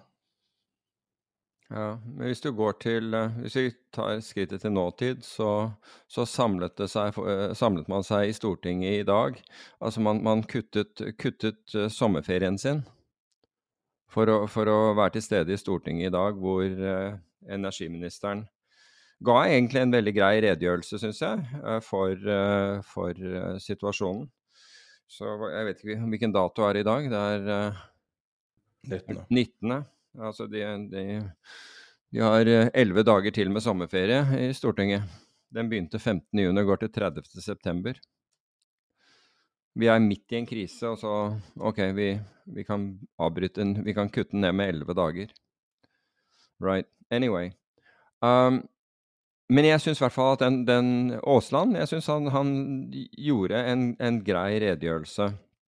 Men hvis du ser på den situasjonen som er og altså Man kan snakke om svømmebasseng og dette med, dette med hytter. Det må jeg innrømme, den hyttebiten den, den, den irriterer meg, til tross for at jeg ikke er, har hytte med, med elektrisk strøm. Nei, men, men altså, jeg tenker at det er, det er greit med disclosure oppi det hele. Fordi jeg har fått så mange som sier du bare snakker pga. hytta, du har sikkert liksom den hytta som bruker? Men det er jo ikke det. Jeg har ikke det. Bare så det, bare så det er sagt. Men jeg syns det er helt meningsløst at, at av en eller annen grunn så velger du å, å støte bort folk som har hytter. Og, det, og eh, Da jeg var på Rudskogen, så kom, kommer det en eh, jeg, jeg gjorde ikke noe avtale om å nevne navnet hans, så jeg vil ikke nevne navnet, men du, du vet eh, hvem det er. Bort til meg, Han er god til å kjøre bil og, og, og, journalist i tillegg. og Han fortalte han hadde arvet en hytte. Og, og, og det har vært nå oppe og stengt den for vinteren, for de har ikke råd til å bruke den i det hele tatt. Og det var samme var det rundt der, folk hadde bare stengt hyttene sine. Er det det man vil ha? Er det liksom Jeg bare gjentar det der norske mann i, i, i hus og hytte. Altså, er det er det det? Altså, skal vi forandre samfunnet vårt? Det basale i Norge? Og nå har hytteeiernes jeg tror det er hytteeiernes forening, de, er, de er, går nå til søksmål mot staten, og det skjønner jeg godt, fordi de mener at staten bryter Grunnloven med dette. Altså, du kan si at trenger vi eh, Altså, jeg har full forståelse for, disse, for disse hytteeierne, jeg har absolutt full, full forståelse, men, men trenger Trenger stat og regjering å ha disse diskusjonene? Altså, Hvorfor lage de, den, disse fiendene? Ja, men det er jo, det er jo stråmenn. Det her er jo klassisk. Jeg vet at det er stråmenn, men hør på, hør på dette. Men kan, kan jeg bare ta det tilbake til det jeg sa nettopp. Det her er akkurat det som er problemet. Fordi at man blander en verdidebatt og en krisedebatt. Så vi snakker om krise som skjer akkurat nå i, i samfunnet, der vi bare skal få ting til å gå rundt, og melk og brød og alt det der. Og så blander vi inn en verdi og sier men burde du, fortjener du å få støtte på hytta? Og det er helt feil debatt. ikke sant? Altså hvis, du, hvis du fjerner ordet støtte, så er det ikke noe debatt. Du får refundering om du er bedrift, om du er privatperson, fordi at vi er praksis i en krig, og i krig så endrer man reglene på alt. Og det at man da skal begynne å ha 40 forskjellige debatter samtidig, gjør at alle bare står og kjefter på hverandre, og dem som er i politisk ledelse, får lavere oppslutning. Det er i praksis det som skjer, fordi at alle er sur på hverandre. Ingen er Jeg fornøyd. jeg, jeg tror du har rett, og jeg har, jeg har på en måte et forslag til dette her. Men, men før det så har jeg lyst til å Altså, hvor er det du kan ha økonomiske interesser i em, i et, i et vedtak eller en avgjørelse hvor du, hvor- du selv kan, kan altså, Du kan gå inn og regulere det slik at det går i din favør. Altså, hvis- I næringslivet kan, kunne du aldri gjøre noe, noe slikt. Du kunne aldri i næringslivet eh, Du ville aldri få lov til Altså hvis du hadde økonomiske interesser i noe, å bestemme hvordan ting skulle være. Altså gå inn og, og bestemme regulering. Men det er i faktum det staten kan gjøre, fordi staten har all interesse i at strømprisen skal være høy. Fordi de får enormt med avgifter på det, de tjener voldsomt med penger på det. I tillegg så tar de moms det høyere det blir. Så det var som Espen Gaarder Haug, som, som er professor eh, nede på det som tidligere het eh, Landbrukshøgskolen, sa. Med strømpris på fem kroner så tar staten inn en, altså fra, eh, som da hytteeiere må betale, staten 1 krone og 25 øre på toppen av det i avgifter når kostnadene av å produsere den strømmen er- er 12 øre. Det er klart det, det oppleves urimelig. Det oppleves urimelig når den ene parten har retten til å, til å regulere markedet, slik at de, de faktisk flytter kapital fra innbyggerne til staten. For staten tjener på det høyere vi, altså det, er, det er jo ikke noe incitament for staten å holde dette nede. De tjener mer, de. De tar penger rett ut av, ut av samfunnet, som, da, som politikerne da kan bruke til sine egne formål. Regjering, regjeringen kan bruke til sine egne formål. De kan bruke til partipolitikk for, å- for, for å få gjennomført det. Men la meg da være konstruktiv. Fordi jeg syns at både den private ordningen Selvfølgelig, er- selvfølgelig den, den er bedre enn om vi ikke hadde den. Og næringslivsordningen er bedre om den ikke hadde den, selv om den er fæl for, for, for, for enkelte. Hvorfor, de, hvorfor lager vi ikke en ordning med, med betinget makspris? Med andre ord, altså du setter en makspris La oss si at den var 50 øre. La oss si at den var 70 øre. Spiller ingen rolle. Men du setter en makspris. Men den er betinget av at du sparer strøm. Altså i forhold til det forbruket du hadde i, i fjor, så skal du ned. Så la oss si det er 10 Nå, nå tar jeg bare tall ut, ut av hodet, jeg har ikke regnet på det, og det er mulig at du kan skyte i filler disse her og finne helt an, an, andre prosentsatser. Gjerne det. Det er ikke poenget mitt. Men la, en makspris betinget av nettopp at du sparer strøm. For hva er det vi forsøker å gjøre? Jo da, vi, vi, skal, sikre, vi husholdninger, vi skal sikre næringsliv, vi skal sikre alle. Men vi, vi, vi sikrer ingen hvis det ikke er forutsigbart. Da sikrer vi ikke noen. Det er ikke forutsigbart. Det er ikke forutsigbart på størrelse, det er ikke forutsigbart på tid. Det er ikke for, forutsigbart i forhold til matematikken heller, for du vet jo ikke, fordi det skal beregnes på, på, på, på gjennomsnittspriser osv. over en periode. Så hvis du satt en mak makspris betinget av Nå skal du høre her, du skal få dette her, men da skal du spare. Fordi det er det hele debatten går på. Hvis du ikke gjør det betinget, så er det jo den der at da, å, da kommer du til å varme opp svømmebassenget, og du, og du kommer til, til å kjøpe pot, elektriske potevarmere til Holmenkollhamsteren din og hele den der pakka der. Det er jo ikke sånn. Gjør det betinget, så vil folk spare strøm for å, for, for å oppnå målet. Og så kan man kjøre på med Enova-tiltak og alt mulig sånn veldig positivt, men, men da, gjør du, da gjør du det forutsigbart. Men problemet er at staten har ikke den interessen. De vil gjerne ha det så høyt som mulig. Og det er problemet her. Jeg tror de fleste er enig med deg på et eller annet vis at man eh, skulle ha mer forutsigbarhet. For meg så fremstår det bare som eh, en stor, en stor tabbe å ikke, å ikke gjøre det her eh, enkelt med å komplisere alt med å I stedet for å sette en pris, så sier du 90% eller 30% eller 50% av det. Så du bare kompliserer det masse. og og jeg skjønner også motvilligheten mot å endre momsregler og alt sånt, men uh, det blir interessant å se hvordan det blir med lading av elbiler i vinter, der man halverer lekkevidden på alle elbiler, og, og kanskje får uh, Altså, ingen forutså jo det strømnivået vi har nå, så kan det tidobles fra nå? Jeg vet ikke. Nei, og, så, synes man det er viktig at, man innfører moms på, på, på elbiler over en viss eh, terskel, og, og, at alle bommer går opp, og, altså i, i, i, pris og parkering. ikke sant? Det er jo helt Det er som Se helheten, da. Nå har vi tre minutter igjen. Skal vi ta tre storyer, da? To minutter igjen. EU har omdefinert uh, Ungarn som et ikke-demokratisk land. Uh, og nå uh, har foreslått å trekke tilbake masse milliarder i støtte. Wow. For oss som har litt erfaring med Ungarn, så er ikke det noe overraskelse. De har prøvd å kaste dem ut siden de joina. Og Ungarn har vaska milliarder av penger av EU-støtte inn i Kina. Det, det, er mange Bank of eh, China-filialer i eh, Budapest. ja, ja, akkurat. Det er ikke mange av dem i Oslo. Ellers så har Google putta en AI i en robot. Ok. Det Hva høres ikke så mye ut, men det er ganske signifikant. mm. Men, mens du, og for øvrig, mens du er inne på, på Du nevnte Kina og Ungarn. Da, la meg uh, si India og Kina. Både India og Kina har jo reagert overfor, uh, overfor Russland med at uh, Altså, med denne situasjonen som er i Ukraina, fordi de ser at dette globalisert ikke er, er positivt. Altså dette har en effekt for dem som er negativ. Ved, ved at handel går ned, eh, spenningen går opp osv. Så, videre. så Så dette har jo vært støtteland eh, tidligere, og det, de er sikkert støtteland fortsatt, men jeg ser jo det som en positivt, det at Modi faktisk tar, ordet i, um, uh, i, i denne saken. Men da runder vi av denne episoden. Ett minutt for åpning på Wall Street. Uh, og vi runder av episoden med et klipp fra det siste intervjuet vi hadde på Patrion i forrige uke. Um, og da har vi fått inn uh, stjerneanalytiker Andreas Steno Larsen, tidligere Nordea. Og veldig, veldig artig å se. Men nå åpner Wall Street. Ha det bra.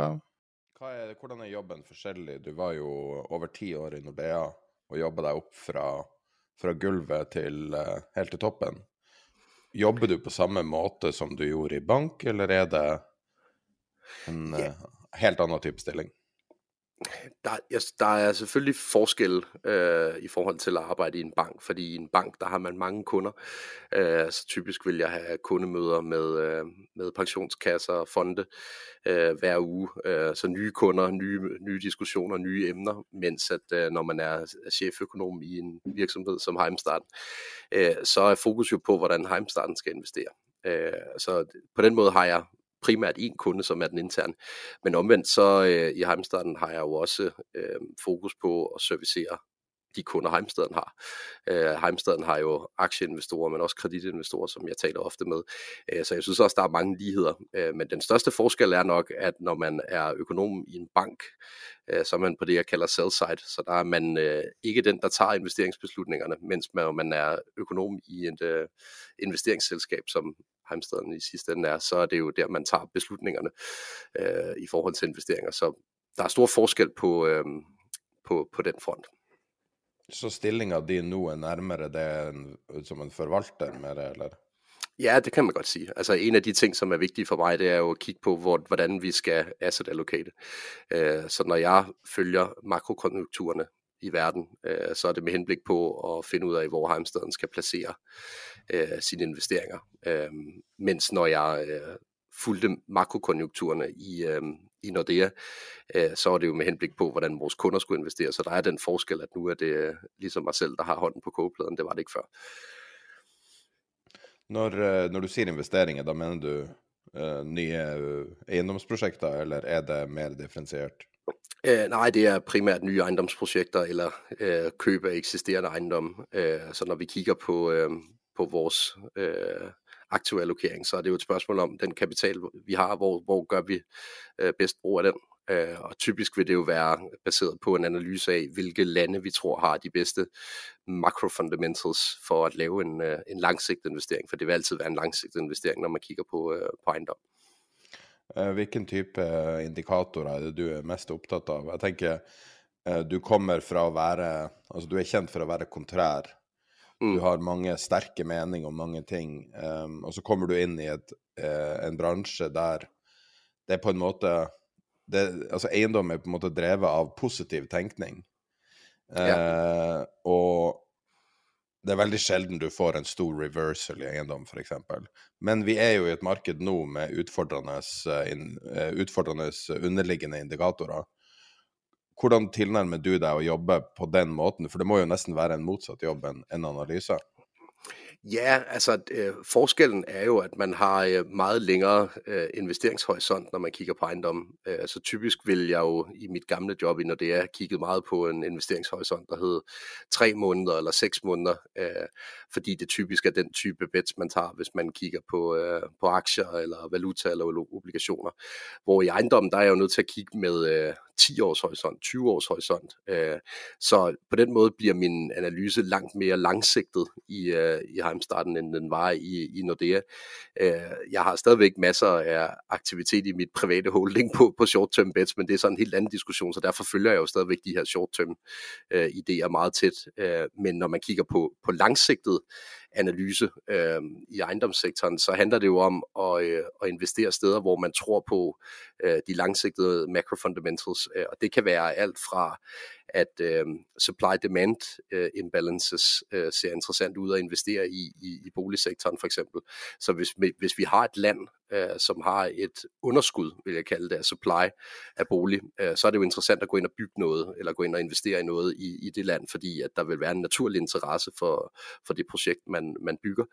Øh, så det er en af de ting, vi følger meget tæt. Er der, øh, er der nok udbud, er der nok supply af, af boliger i de lande, vi kigger på? Øh, derudover så kigger vi meget på demografi, øh, fordi en af de mest interessante faktorer som ejendomsselskab, det er jo, om, om demografien er positiv. Øhm, og det, det, som man typisk vil kigge på, det er jo, om der er befolkningstilvækst, øh, eller om der er et øh, behov fra, fremadrettet for, øh, for boliger som et resultat af den demografiske udvikling. Øh, og demografi er vil jeg sige, notorisk en meget langsigtet indikator. Øh, demografi kan også bruges til at sige noget om langsigtede trends i aktier, langsigtede trends i obligationer, øh, men det er måske den vigtigste parameter overhovedet for ejendom. Uh, det finnes en bok som heter The Next 100 Years, mm. der uh, det er en forfatter som prøver å gjøre analyser basert på mer eller mindre utelukkende altså geopolitiske faktorer og de tingene. Er det litt sånn du jobber, at, at du f.eks. vil se mot land som Polen, som har positive geopolitiske indikatorer på lang sikt? Ja, Polen er også et land, som vi har, som vi har investeret i, øh, og du har helt ret, at vi er nødt til at tage sådan nogle faktorer med, når vi øh, kigger på de langsigtede investeringer i et land som, øh, som Polen. Øh, vi er jo interesseret i at investere i lande, som har langsigtet vækstpotentiale, øh, som har en langsigtet trend i retning af højere lønninger, som har en, en langsigtet trend i retning af, at øh, befolkningen søger mod de områder, hvor vi vælger at opføre vores boliger. Øh, så derfor kan vi jo også øh, kigge på langsigtede trends i relation til urbanisering og den slags som en vigtig parameter. Øh, og så er det selvfølgelig også vigtigt at, notere sig, om landet har langsigtede geopolitiske fundamentals.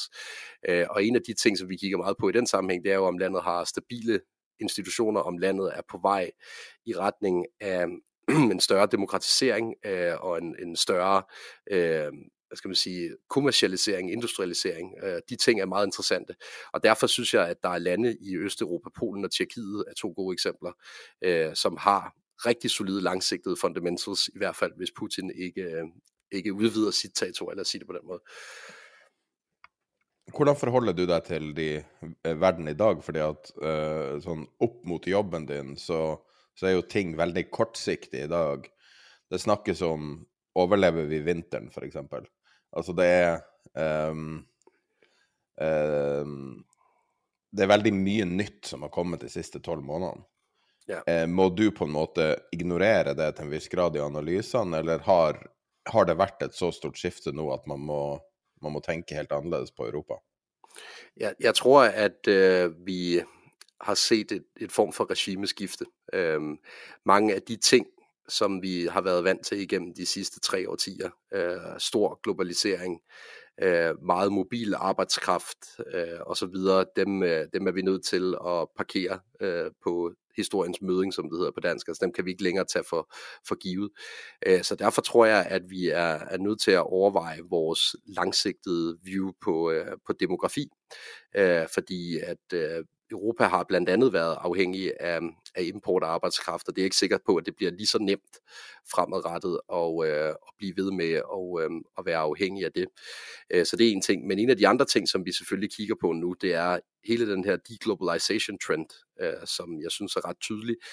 Øh, der prøver vi jo at kigge på, hvilke regioner i Europa kommer til at få positive spillovers fra den her deglobalization trend. Og det kunne igen være øh, et land som Polen eller et land som Tjekkiet, hvor det giver mening øh, for store vestlige konglomerater og flytte supply chain tættere på. Øh, et andet land, som, som vi har på radaren i den sammenhæng, er Portugal, fordi det også er et land, som typisk vil have positive spillovers af en form for deglobalization trend. Øh, og øh, derfor så bliver vi selvfølgelig nødt til at overveje, hva det betyder for vores langsigtede views, når der sker ting som covid-pandemien og Ukrainekrigen, som får, tingene til at ændre øh, måske permanent, øh, når det kommer til demografi, når det kommer til øh, monetary policy, når det kommer til fiscal policy. Når, når du starter med en analyse jeg kan, jeg kan si hvordan dette intervjuet ble til da, fra mitt perspektiv. Så jeg prøvde å intervjue deg, eller jeg prøvde å invitere deg i lang tid eh, via Twitter, og, eh, og, til slutt sa du ja. Men eh, en ting som gjorde at du ble veldig front of mind, var eh, det du skrev på Twitter om situasjonen med europeisk gass. Og du var den første jeg så som gjorde eh, den korrekte taken, som var det ser ut som at Europa begynner å få nok gass. Ja. Um, for det første er er det her priser inn? Det, vi fikk jo en, en dramatisk reprising de siste ukene, men spesielt dem med store porteføljer som dere, og som altså, tenkte oljefond og de store. Hvordan klarer man å reprise ting nå, når du har så mange bevegelige deler samtidig? det er stort sett umulig. Men hvis jeg lige skal starte med, øh, med situasjonen omkring øh, europæisk gas og europæiske elektricitetsmarkeder. Øh, det jeg kunne konstatere for to-tre uger siden, det var, at priserne var kommet ud af trit med fundamentals. der var en meget markant likviditetspræmie i elektricitetsfutures og i natural gas futures, som et resultat af mangel på likviditet i, i intramarkedet. Øh, og det, som meget specifikt skete, var, at øh, en masse øh, power generators øh, eller utility companies, de havde solgt elektricitet forward og købt natural gas og carbon emission certificates forward. Uh, og det er sådan det spread, man som uh, utility company eller power generator uh, ligesom skal, skal fastlåse for at være sikker på sin marginal, når man producerer elektricitet. Fordi du har en input cost, i hvert fald hvis du er et natural gas power plant, som er baseret på natural gas og carbon certificates, og så har du en, en revenue side, som er baseret på, på elektricitetsprisen i, i future. Og Øh, det der skete var, at elektricitetsprisen i futures, den begyndte at stige meget, meget, meget markant.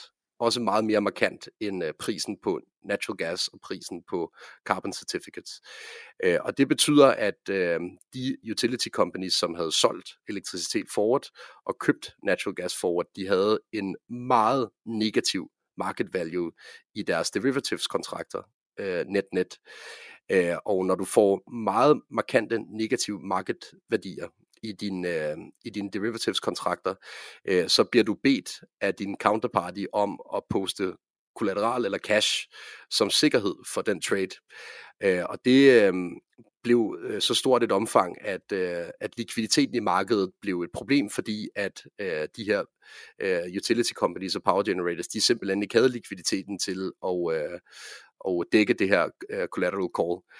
Øh, og derfor så så vi, hvordan øh, øh, de offentlige administrationer i ja, Sverige, øh, Danmark, øh, Europa generelt, gik ind og lavede øh, likviditets-bailout packages til, til de her utility companies.